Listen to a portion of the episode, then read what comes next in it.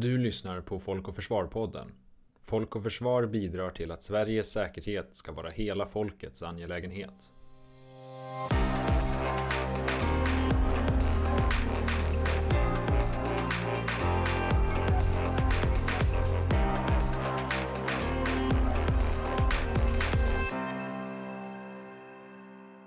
Exemplen där attacker fått både allvarliga och dyra konsekvenser är tyvärr många. Samtidigt växer Internet of Things. Idag är många nya tekniska enheter uppkopplade. Allt från ugnar i hemmet till kärnkraftverk och militära system är uppkopplade mot internet i olika utsträckning. Detta effektiviserar vår vardag och möjliggör många användbara och spännande funktioner samtidigt som det riskerar göra samhället allt mer sårbart. Desto fler enheter som ansluter till internet, desto större risk för att några av dessa kan nyttjas i olika attacker. Det blev allt lättare för ett land att åsamka ett annat land begränsad eller stor skada enbart genom att attackera IT-system. Om inte alla, från enskilda individer till hela länder, tar sitt cybersäkerhetsansvar kan stora ekonomiska värden riskeras och i värsta fall kan också mänsklig hälsa i vissa extremfall riskeras. Med oss idag har vi Ann-Marie Eklund Lövinder, säkerhetschef på Internetstiftelsen. Välkommen! Tack så mycket! Ann-Marie Eklund Levinder har ett gediget CV när det kommer till att arbeta med dessa frågor. Du är inte bara en av få som är betrodd att vara med i nyckelgenereringen av kryptonycklar till internets innersta kärna. Något som vi återkommer till alldeles strax. Du är också medlem av Ingenjörsvetenskapsakademin och ledamot i Myndigheten för samhällsskydd och beredskaps informationssäkerhetsråd. Bara för att nämna tre saker från din imponerande karriär. Kan du berätta mer för oss om vad Internetstiftelsen är och vad ni gör?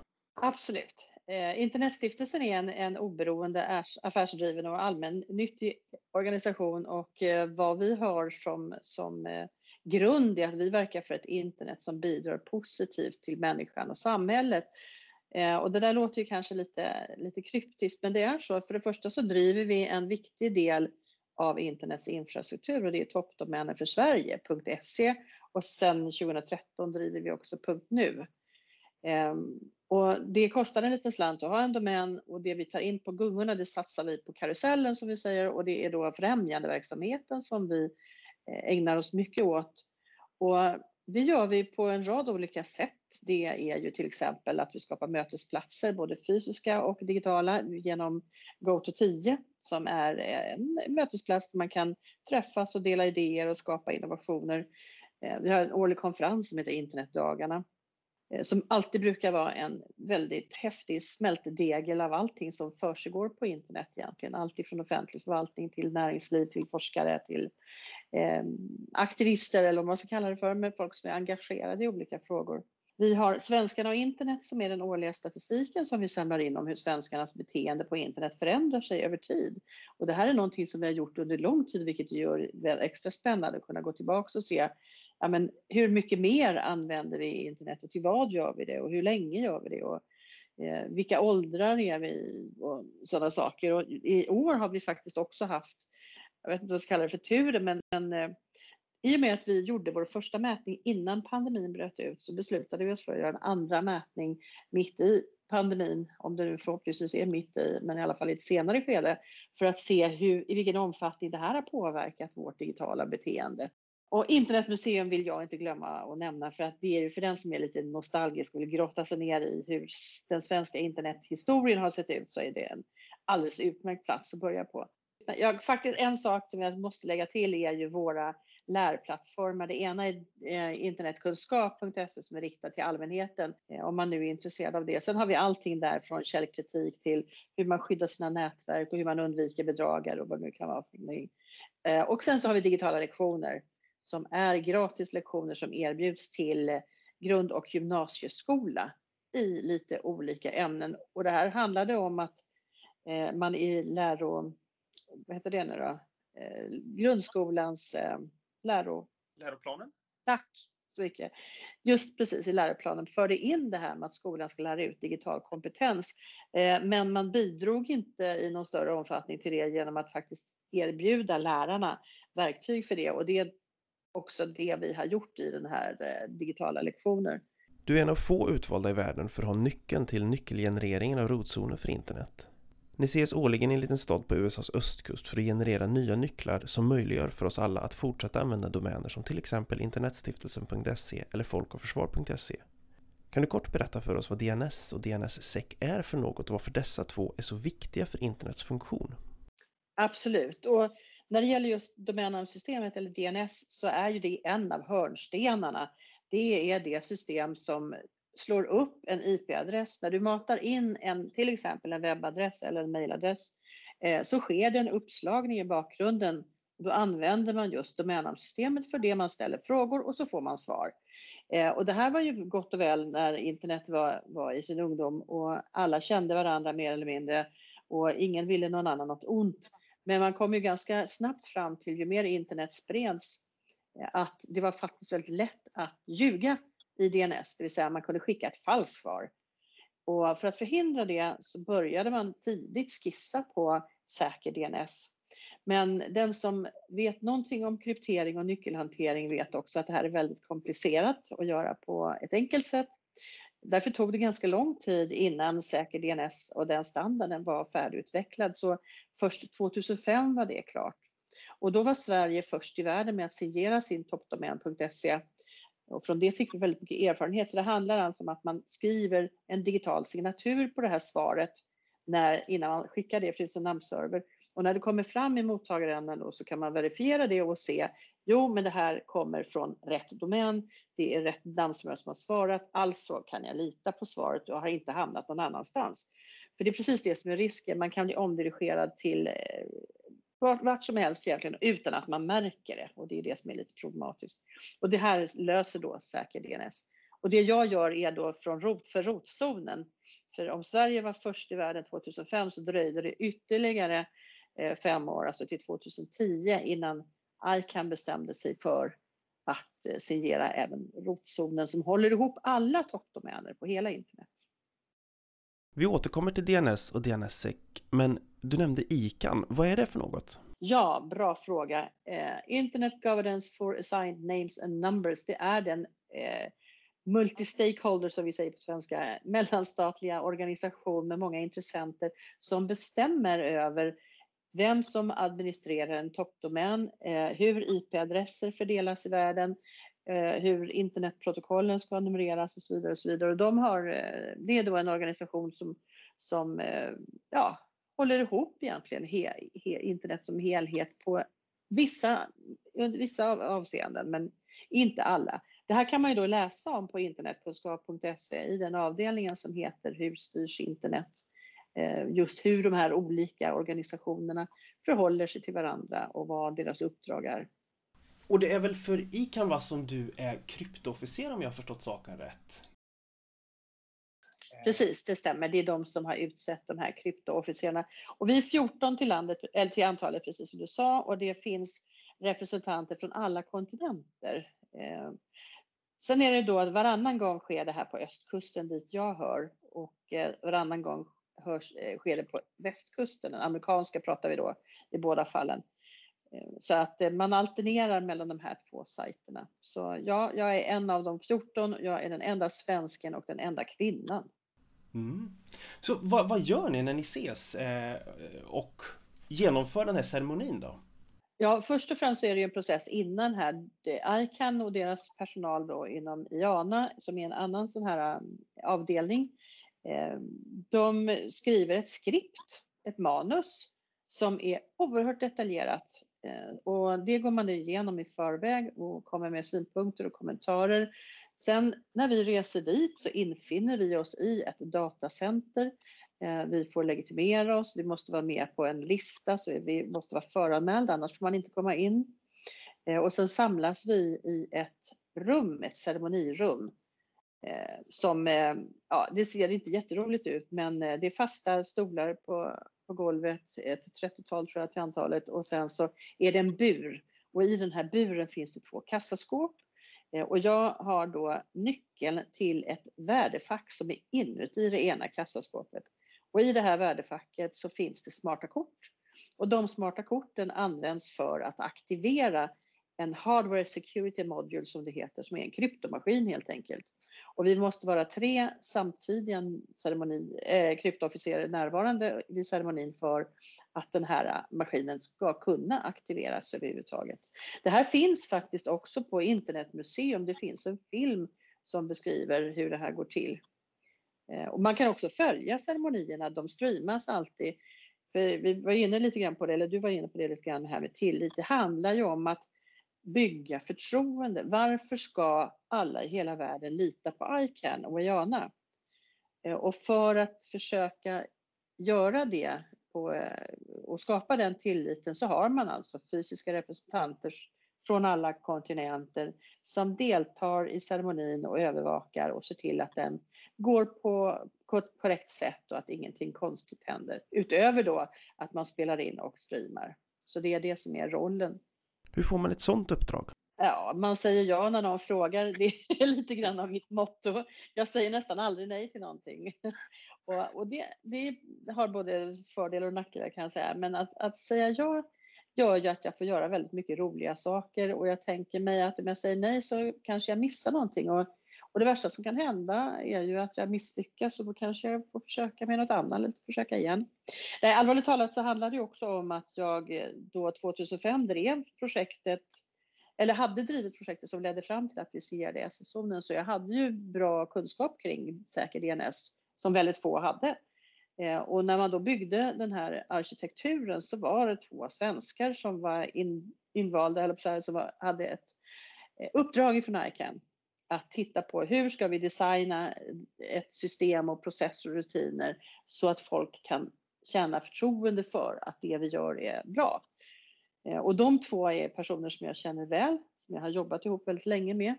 Så de hörde av sig till mig och sa du borde söka, du måste ju passa alldeles perfekt som en sån här trusted community representative som, som man då är, eh, alltså representant för internetsamfundet på något sätt. Välkänd inom vissa regioner och, och har gott renommé och varit med på en massa krav. Eh, så att så gick det till.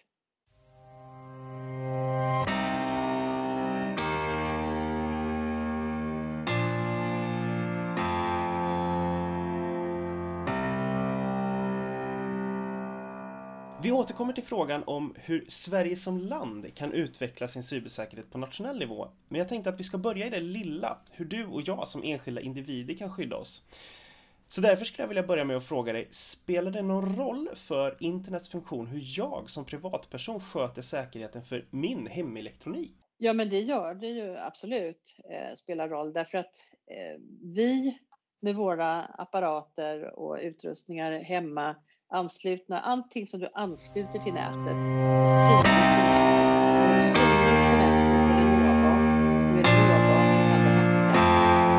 så även om du känner att jag är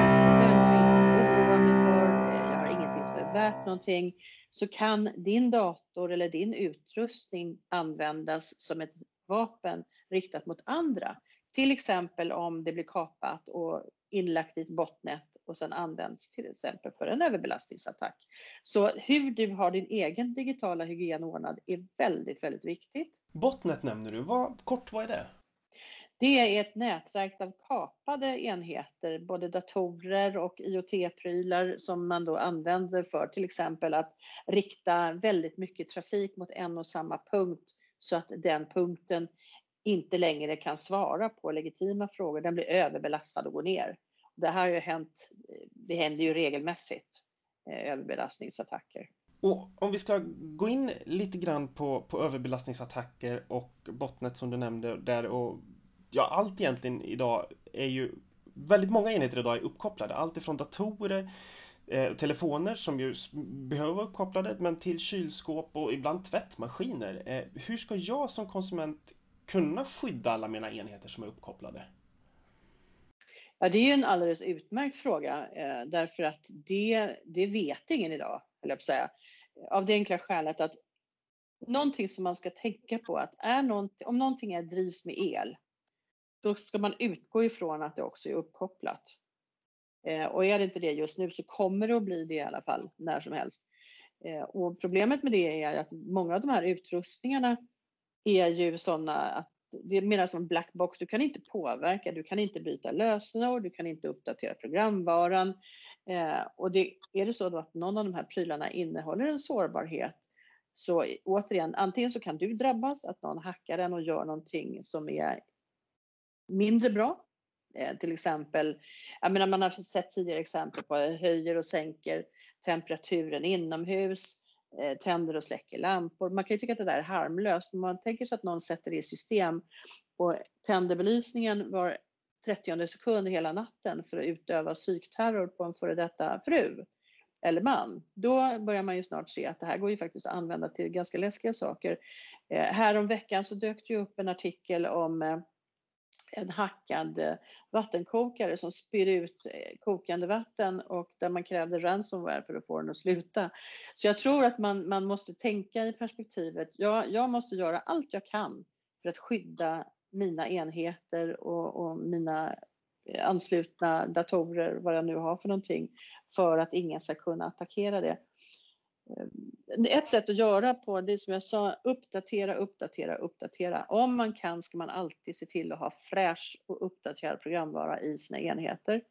Ehm, det andra är ju att man ska segmentera sitt nätverk hemma så att man har prylarna på en del av nätverket så har man ett mer vad man kallar för administrativt nätverk där man gör det här mejl och man sköter sina bankaffärer och vad det nu är för någonting. Eh, och sen så kan man ju ha ett gästnät som man kan låta kompisar och andra besökare använda när de kommer och hälsa på. Det, var, det får ju dröja ett tag nu kanske men Men alltså så att det är, det är ett rejält hot. Tvättmaskinen kan alltså utgöra ett hot på internet idag? Absolut. Eh, du var inne på överbelastningsattacker eh, och det är någonting som jag har uppfattat som ett av de stora hoten. Jag tycker mig kunna höra det på det du säger här också, att det faktiskt är ett, ett av de stora hoten på internet. Eh, kan du kort förklara vad egentligen en överbelastningsattack är för någonting? Ja, som jag sa, det är man försöker eh, samla ihop tillräckligt mycket resurser Eh, Eh, för att kunna skapa jättemycket trafik och rikta mot en måltavla helt enkelt. Så man ser till att den måltavlan eh, antingen eh, kollapsar under tyngden eller bara blir seg och oåtkomlig eller vad man nu vill åstadkomma. Och det här det, kan man, det beror lite grann på måltavlan. Ibland är det lätt, till exempel om man försöker slå ut eh, en webbsajt hos eh, myndigheter. Det har hänt några gånger och att det har skett med framgång.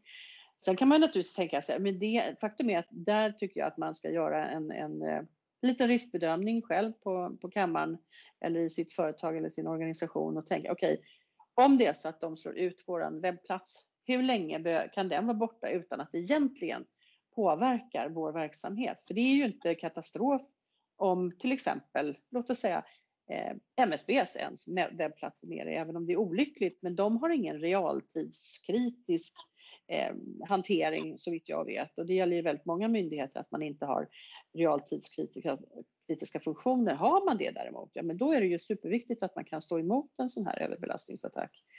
Eh, så, och jag ser väl att eh, de allra flesta, jag menar operatörerna som är de som faktiskt hanterar det här egentligen med överbelastningar, de har blivit väldigt duktiga på det och det finns bra skydd idag att skaffa mot den här typen av attacker. Så man bedömer ju att hela Eh, överbelastningsdelen har väl egentligen gått ner. Och då är det ju någonting annat som har gått upp och där ser man en dramatisk ökning de senaste 12 till 18 månaderna på just det som jag pratade om, ransomware, alltså kidnappningsprogramvara. Eh, som enkelt uttryckt är att man lurar någon att installera eller se till att det kommer in skadlig kod hos någon och sen så den koden då Antingen så krypterar den all information och så kräver man en lösensumma för att få nyckeln så att, informationen, så att man kan få tillbaka informationen. Eller så hotar man med att publicera den informationen på en öppen webbplats. Det var ju det som hände till exempel för den här finska psykoterapienheten. Att man hade lyckats ta all information, eller mycket information i alla fall, journaldata. Och sen så bad man att få 4,5 miljoner om det var kronor eller euro kommer jag inte ihåg, men det var ganska mycket pengar. Eh, och så sa man om man inte får betalt så släpper man 100 journaler varje dag. Och samtidigt så passade man på att pressa då även de som eh, var patienter i det här. Så det här är ju en, en väldigt olycklig utveckling. Det här med dator och telefonindustrin idag får man väl kanske säga är hyfsat säkerhetsmogna. Men Internet of Things som vi har pratat om, där kan man ju kanske påstå att säkerhetsmognaden är relativt mycket lägre. Varför har inte den branschen också insett allvaret i det här och steppat upp sitt säkerhetsarbete? Det finns ju många förklaringar till det. Eh, den första och enkla förklaringen är väl kanske att de som jobbar med innovationer, man tittar i huvudsak på vad, vad är det vi vill göra eh, mer. Man tittar inte, ja men vad kan konsekvenserna bli av det vi gör? Och då är man ju, det är time to market är viktigt, att, att ha en USP är viktigt, att man fyller ett hål, ett behov som konsumenter har. Och det finns idag inget krav på att det här ska göras på ett säkert sätt och man har, man har visionen om att göra våra liv enklare och städerna smartare och kanske till och med hela världen smartare. Eh, och det är billiga komponenter som sätts ihop i, i billiga produkter och då förstår man ju kanske någonstans att säkerhet har inte riktigt plats i den ekvationen. Finns det någonting man som konsument kan tänka på i de här fallen då? Och, och, finns det någon form av märkning eller någonting som man kan titta efter för att köpa bättre produkter? Idag finns det ju ingenting sånt, men det är ju någonting som, som konsumentföreträdare ändå förespråkar nu. Vi måste titta på till exempel, jag menar hur länge uppdateras programvaran i mitt kylskåp? Eh, om det slutar få uppdateringar efter tre år, ska jag kasta ut det då och köpa ett nytt kylskåp eller kan jag koppla bort det från nätet så att jag inte riskerar att bli en måltavla för, för angrepp av olika slag? Eller vad är det som ska hända? Hur stort ansvar har leverantören för att hålla oss med uppdateringar och under hur lång tid och så vidare. Och så, vidare. så här diskuteras ju rätt mycket. Men som konsument, jag menar vi, vi har ju ändå vi röstar ju ofta med plånboken i den meningen att vi köper ju det som är billigt och uppfyller våra krav. Vi förväntar oss att någon har tagit hand om det här med säkerheten. Vi är så bortskämda i det här landet med S-märkning och T-märkning innan dess och CE-märkning inom EU och vi litar på att någon har kollat. Eh, men den här delen av marknaden är så omogen så den kontrollen finns ju inte. När jag i olika sammanhang läser om eller jobbar med cybersäkerhetsfrågor tycker jag mig skönja att många problem som uppstår redan idag har tekniska lösningar. Jag vet till exempel som du nämnde här i inledningen att Internetstiftelsen var väldigt tidigt ut med säker DNS. Eh, redan 2005 började ni på att implementera det. Men tittar vi på internet i stort saknas implementering av befintliga säkerhetsprotokoll på många håll. Eh, jag hade själv inga större problem att hitta en mängd länder, varav några stora, som ännu inte har implementerat säker DNS för sina respektive toppdomäner. Varför är det så här? Varför är det så här? Varför implementerar man inte de säkerhetsprotokolllösningar som finns här och nu? Vad, vad är det man väntar på? Ja, det är en bra fråga eh, eftersom det här borde vara en, en naturlig, ett naturligt steg i att förbättra och förstärka infrastrukturen. Men när du säger med det här att, att det är många toppdomäner som är, som är osignerade så tycker jag mig ändå, där är jag inte riktigt med. För att ICANN då ställer ju krav på alla nya toppdomäner, de här som har tillkommit på, på senare år, som är runt tusen eh, med lite mer generiska namn då de, där ICANN ställer ju som krav på att de måste vara signerade, alltså själva toppdomänen. Sen är det ju huvuddomänerna som, som eh, nästa nivå så att säga, eh, som internetstiftelsen.se, den måste ju också signeras. Alla, alla led måste ju vara med för att det ska bli en stark kedja. I Sverige så har vi ungefär 50% av alla domäner. Vi har ju drygt eh, eh, ja, vi har mer än en miljon domäner under SS-zonen och 50% ungefär av dem är signerade och det är ju alldeles för dåligt. Men vi gör, försöker driva på och jobba på att det här ska bli bättre. Men det, det är som du säger, det är en väldigt svag implementering rent allmänt på huvuddomännivå.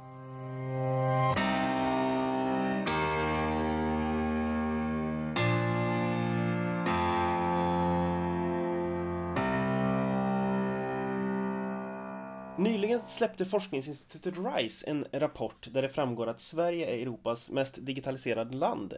Men att vi kommer först på plats 32 vad det gäller cybersäkerhet. Samtidigt har ni på Internetstiftelsen uppgett att endast 58 procent av eleverna i svenska skolor har fått utbildning i säker internetanvändning.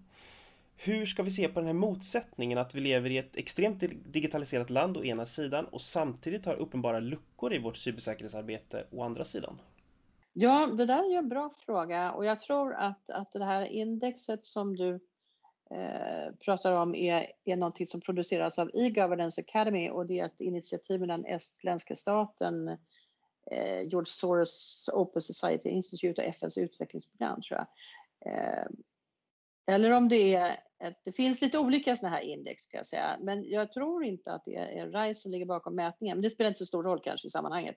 Men just, vi, har, vi har alltså den senaste mätningen från 2018 kollat in på plats 32 i en av de här mätningarna. Eh, och det är klart, mätningar i all ära, det beror ju lite grann på vad man har för, för nyckeltal och vad man, vad man mäter på för indikatorer. Eh, men visst är det så, eh, om man är väldigt digitaliserad och släpar med införandet av cybersäkerhet, ja men då blir ju gapet större. Eh, jag vill minnas att det är Grekland som toppar den där listan. Och det beror ju på att har man inte så, är man inte så högt digitaliserad så, och inte heller då, eller och har kommit en bit på väg med cybersäkerheten så blir gapet litet. Så det, det här är väldigt svårt att, att eh, mäta något som är så diffust som, som nationell cybersäkerhet förstås. Därmed inte sagt att man inte ska försöka, men, men, och de här rankinglistorna fyller ju en pedagogisk funktion om inte annat. Ehm, ja, jag vet inte riktigt vad jag ville komma med det där, men jag tror att allmänt sett så tror jag att Sverige nationellt behöver samordna sig bättre och ha lite mera verkstad när det gäller cybersäkerhet. Det är väldigt många aktörer inblandade och det verkar ändå på mig som att de har lite svårt att samordna och samverka så att vi kommer framåt. Vi skriver till exempel, vi har ju numera en, en eh, strategi för cybersäkerhet och MSB håller i en aktivitetsplan med 77 punkter tror jag det var som man betar av. Så har man fört på nya punkter så man fortfarande har 77 punkter. Eh, men alldeles oavsett så det finns ju en aktivitet här eh, som sker i bakgrunden och jag vet inte riktigt hur det skulle se ut nu, men jag tycker själv att Sverige borde ligga någonstans bland topp 10 i alla fall, även om det här inte är en tävling. Utan, men, men med tanke på, som du säger, vilken kompetens vi har, hur, hur utveck, tekniskt utvecklade vi är, eh, så borde vi ha en mycket, mycket bättre position. Vad, om, om vi ska titta på, du var inne på, på ransomware förut och lite konsekvenser av att inte arbeta fullt ut med cybersäkerheten. Vad, vad kan det få för konsekvenser på samhällsnivå om ett allvarligt intrång sker? Eller om samhällsviktiga system drabbas av skadlig kod eller någon form av attack? Ja, konsekvenser, jag menar det är väl egentligen bara fantasin som kan sätta gränserna där. Det, men får du ett allvarligt omfattande elavbrott samtidigt som eh, bankomaterna eller betalningssystemen går ner, eh, då är det ju klart att du har ett allvarligt problem i samhället. Sen hur lätt eller svårt det är, det beror ju helt och hållet på eh, angriparens ambitioner, resurser och uthållighet skulle jag säga. Vad, vad, finns det för andra risker då med ett högdigitaliserat samhälle? Om vi tittar på, finns det, finns det risker till exempel att man glömmer bort gamla lösningar till förmån för nya digitala och därmed riskerar att vara utlämnad till slumpen i de fall som du nämner att man till exempel skulle få ett stort elavbrott som får tråkiga konsekvenser för digitaliseringen? Ja, det tror jag. Jag menar den tiden är mer eller mindre förbi där vi skulle klara oss med mänsklig inblandning som plan B. Eh, väldigt mycket är högdigitaliserat och högautomatiserat och det vill jag minnas att, att styrelseordförande för Maersk sa redan när de hade sitt stora utbrott av, av ransomware, eh, det här eh, non-petya tror jag det var då som det hette. Och, och eh, han konstaterade två saker. Det ena var att han eh, trodde att de var bra på informationssäkerhet. Men det visade sig att de var inte ens mediokra. Det andra han sa var att om ett år, kanske max två, då kommer vi inte längre att ha möjligheten att kalla på mänskliga krafter för att uppdatera alla servrar och eh, som man ju gjorde nu med en heroisk insats. Man, man eh, bytte ut programvaran under ja, två veckors tid i tusentals och åter tusentals datorer och servrar, vilket ju var helt fantastiskt. Eh, så att jag tror det är hög tid faktiskt att sluta vara naiv när det kommer till informationssäkerhet. Det räcker inte att vara medioker eller tänka att man är good enough. Man kommer att åka dit om man är det och det här är otroligt viktigt att man inte bara är reaktiv utan att man är proaktiv. Att man, att man verkligen tänker på i förväg, gör sina riskbedömningar eh, och konsekvensbedömningar och ser, ja, men okej, vad är det som kan hända? Och hur ser jag till att det inte händer? Jag tror att det är absolut nödvändigt. Eh, för vi kan inte fortsätta liksom att tro att det här med informations och cybersäkerhet löser sig med optimism och böner, utan det här krävs krafttag och ett systematiskt arbete. Men jag tycker mig också kunna skönja i det du säger att cybersäkerhet handlar inte om cybersäkerhet utan egentligen så hamnar, handlar det här ämnet om om allt det vi gör i samhället eftersom vi är så digitaliserade. Det är något som egentligen borde genomsyra precis all verksamhet på ett eller annat sätt. Ja, men jag tycker det. Och det, det är som du säger, det är ju, jag menar, den politiska ambitionen är digitalt först, om vi pratar om offentlig förvaltning.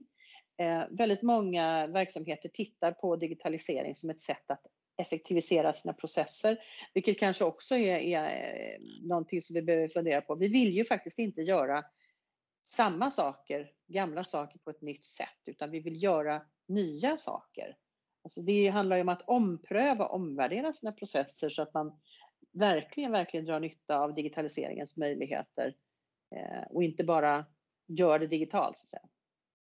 Eh, finns det säkerhetsmässiga fördelar då med ett digitaliserat samhälle? Ja, men absolut. Det, det, det tror jag definitivt. För väldigt mycket av de problem som uppstår idag Eh, har ju en, en mänsklig faktor med sig. Och är det så att vi kan undvika vissa risker genom att automatisera i en högre grad så tror jag att det är en, en, en stor vinst faktiskt. Jag tror också att vi kan erbjuda Eh, Eh, välfärdstjänster på ett mycket, mycket bättre och effektivare sätt om vi använder oss av digitaliseringens möjligheter. Men jag tror också att det är ett samspel mellan det mänskliga och det digitala. Ehm, och det är det jag menar med det här med att ompröva sina processer och se hur kan vi göra det här på bästa sätt? Hur drar vi nytta av digitaliseringens möjligheter på bästa sätt? Ehm, och då inkluderar det i min värld också att det ska vara på ett säkert sätt hur, hur, påverkar digitaliseringen i Sverige idag oss som land när det kommer till en, en säkerhetspolitisk aktör? Riskerar vi bli en måltavla på grund av att vi är så högdigitaliserade eller är vi kanske istället en, en stabiliserande faktor på något sätt? Oj, ja men det där var en svår fråga. Men och frågar du FRA och Säpo och Försvarsmakten så är vi ju en måltavla och är vi redan utsatta för olika attacker från olika länder enligt deras eh, i alla fall rapporter om man läser dem. Eh, så att visst, det är klart att, att precis som, som eh, cyberkriminella så tittar ju antagligen nationalstater också efter svaga punkter. Och har man väldigt mycket som är digitaliserat så blir ju det i värsta fall en svag punkt om man inte har gjort det bra. Om man inte har eh, grunden på ett säkert sätt. Jag tror att vi ska tänka på det när vi diskuterar det här med cybersäkerhet. Så vi, vi är väldigt fokuserade på antagonistiska hot, det vill säga någon angriper oss utifrån Eh, och samtidigt så beror ju väldigt många av de incidenter som uppstår på att vi skjuter oss själva i foten, det vill säga vi har inte tillräckligt bra säkerhet i organisationerna och det är där vi måste börja. Vi måste höja ribban, precis som du sa tidigare, att införa de säkerhetsprotokoll som faktiskt finns tillgängliga sedan många år tillbaka eh, och att se till att vi har örat mot marken och lyssnar på vad är det som, som är eh, state of the art just nu inom säkerhetsområdet. Vad är det som är Eh, de stora hoten och att man håller den bilden levande och jobbar systematiskt och utvecklar sitt säkerhetsarbete. För det här är ju ingenting som man gör en gång för alla så är det klart, utan det är ju ett ständigt pågående arbete. En faktor i det här som du är inne på som vi inte alls har nämnt egentligen, det är ju kompetens och, och kunnig personal. Och, och, om inte hela så åtminstone delar av IT-branschen är idag i stort behov av kompetens som jag har förstått det. Hur ska myndigheter och organisationer som arbetar med de här frågorna kunna nyrekrytera men kanske framförallt lyckas behålla kompetent och erfarenhet, e- erfaren personal? Ja, det är också det är en, brist, det är en bristtillgång, absolut. Både när det gäller kompetens på bredden och när det gäller kompetens på djupet så är det en brist idag. Och det värsta är ju att det inte bara vi i Sverige som har en brist utan det här är en, en global företeelse. Framförallt när det gäller eh, utvecklare som har ett grundläggande säkerhetstänk eh, och, och, och ut, sådana som, som ändå ska driva någon typ av innovationsarbete måste ju någonstans ha med i alla fall i teamet någon som har lite grann den här djävulens advokatrollen och säga men what if eh, och ställer de frågorna. För det är också så, man ska ju tänka på det, innovatörer är sällan eh, i, i den positionen att de tänker på ja men vi gör inte det där, det kan bli för farligt. Utan de, de vill ju, jag förstår att det, det är en drivkraft att hitta på nya saker, nya lösningar. Och att då tänka på baksidan av det, det är, det är inte så kreativt. Eh, däremot så är det bra om man har med sig någon som man kan liksom bolla med ibland och fråga. Eh, sen är det ju alltid svårt att inta den rollen. Eh, jag tänker till exempel, jag ska ta ett superlöjligt exempel, men en brödkniv. Jag menar den som uppfann brödkniven, det var väl en fantastisk uppfinning. Och sen var det väl inte så att man tog med i, i kalkylen där att ja, men den där kan man ju faktiskt hugga i, kniv, i ryggen på folk så de dör. Eh, för det var ju inte det man tänkte att man skulle använda det till. Och att ha den, ha den förmågan att tänka vad kan man använda det här till som vi inte hade planerat? Eh, och det är en, det är en jättesvår eh, övning. Prova själv ska du få se. Men mera sånt skulle jag vilja ha och då betyder ju inte det att man inte ska göra det utan betyder att man ska titta på hur undviker vi att det där händer. Nu kommer vi långt från kompetensfrågan. Jag tror att eh, eh, universitet och högskolor idag har väldigt lite av obligatoriska inslag när det gäller just IT och informationssäkerhet. Jag tror att det absolut måste in tidigare och mer. Så mer utbildning och kanske mer fantasi är vad, vad du efterlyser, förstår jag det som? Ja, jag tror att man måste vara lite mer kreativ och utbildning. Jag, jag menar att det, det behöver inte vara liksom ett år IT-säkerhet utan däremot så ska det finnas inslag av IT, information och cyber om man nu kallar det för det i, i allt annat som man gör. Så att, för det går lite grann på tvären. Du kan inte prata om en, en, en med läkare idag till exempel utan och lära dem allt om den medicinska delen utan att samtidigt tala om för dem att det här med informationssäkerhet är viktigt. Eh, och det här gäller ju alla yrkeskategorier idag, precis som, som vi var inne på. De är ju mer och mer digitala. Och hur ska man skydda information eh, och se till att man inte läcker den? Vi ska börja på att runda av lite grann här, men jag har ett par frågor kvar och den näst sista frågan är om det finns några hot idag emot själva internet och internets existens som vi känner det idag. Internet byggdes ju eh, för länge sedan. 1989 kan man väl kanske säga, bara sådär. Ehm, och inte alls eh, med den användningen vi har idag för ögonen. Det ska vi komma ihåg. Det var inte så att några kom på att låt oss koppla ihop hela världen och så ansluter vi allting och så kör vi så ryker. Ehm, för det här betyder att internets infrastruktur, nu har vi förhållandevis väl förspänt i Sverige med en väldigt eh, utbyggd infrastruktur men den måste fortfarande byggas ut och byggas på.